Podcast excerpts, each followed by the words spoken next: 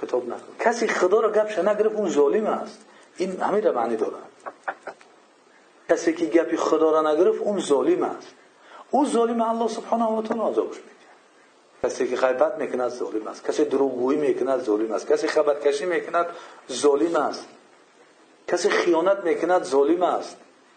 کسی که امانت همسرش درست تربیه نمی‌کند در راه خدا نمی‌برد ظالم است. کسی که فرزند شد در راه خدا درست نمی‌برد تربیه نمی‌کند ظالم است. پیامبر صلی الله علیه و میگه که فرزندانتون در هفت سالگی امر کنید به نماز. و به ده سالگی رسیدن اونها را بزنید برای نماز. و جای خواب پسر بچه و دختر چی؟ دخترها رو جدا کنید. کسی این کارها رو نمی‌کند ظالم است. احترام پدر و مادر. وقتی کسی که پدر میرنجاند وقتی کسی مادر میرنجاند ظالم است. کسی که شوهر میرنجاند ظالم است. همسایه را میرنجاند ظالم است. خیشتبا را قهری می‌کند میرنجاند ظالم است. عهدی که با یک نفر کردی چی مسلمان است چی غیر مسلمان است؟ عهد و پیمان شکستن از جانب مسلمان ظالم هستیم. الله یحب المقسطین خداوند عدالت پیشه ها را با غیر مسلمان ها دوست میداره. مسلمان نیستن ولی تو که عدالت کردی مسلمان هستی خدا را اطاعت کردی در معاملات مناسبت با غیر مسلمان خدا دوستت میداره. عدالت پیشه ای تو سپراویدلیوی خداوند انسانی پاک دوست میدارد انسانی اطاعتکار دوست میدارد. انسانی که دیگر کسی اطاعت می‌کند انسانی که در خدمت نفس شد در خدمت دیگر در خدمت الله نیست او دوست نمیداره الله سبحانه و تعالی. عقل و ادب و اخلاق ندارد الله سبحانه و تعالی دوست نمیدارد. سبب المؤمن فسوق. یا که مؤمن بزی نمی‌شود درشت گپ حقارت چی نمی‌شود مؤمن؟ یک گپی عادی شدگی است برای بعضی مسلمان. خدا دوست نمیدارد اینها را.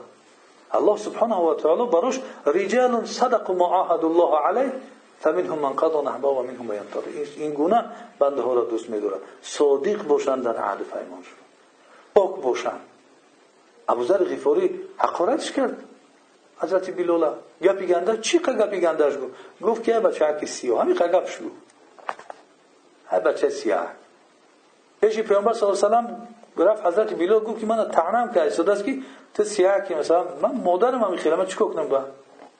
رسول الله سلام گفت اعیرته به امي تو تعنش کردی به مادرت؟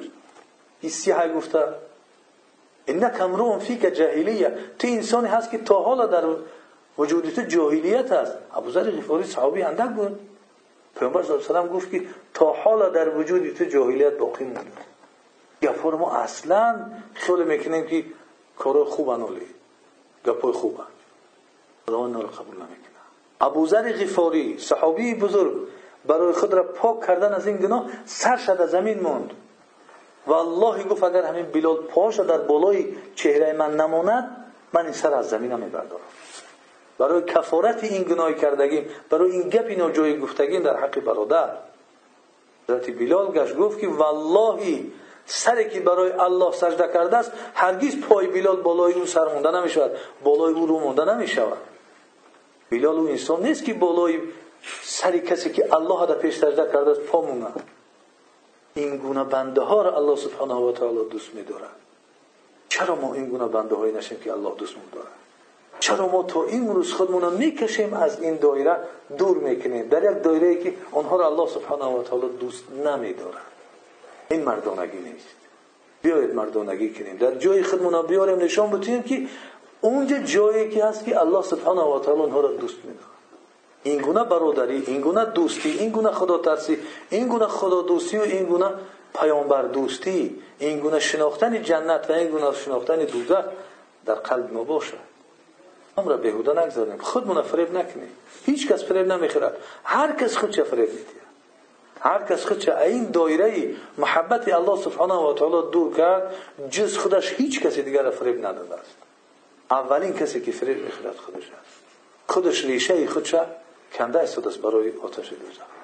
خداوند پناه در یک ما شما را و از این آیت ها عبرت بگیریم و خود را از محبوبان الله سبحانه و تعالی و حبیبان الله بگردونیم که خداوند بنده هایش تعریف کرد که آنها را دوست می‌دارد و آنها هم دوست می‌دارد پروردگار ما ما را از همان جمله بگرداند و این آیت هایی که برای تقویه ایمان برای بیدار گشتن ایمان ببینید آیت های کوتاه کوتاه هستند ولی انسان میگن بیدار شو بخیز.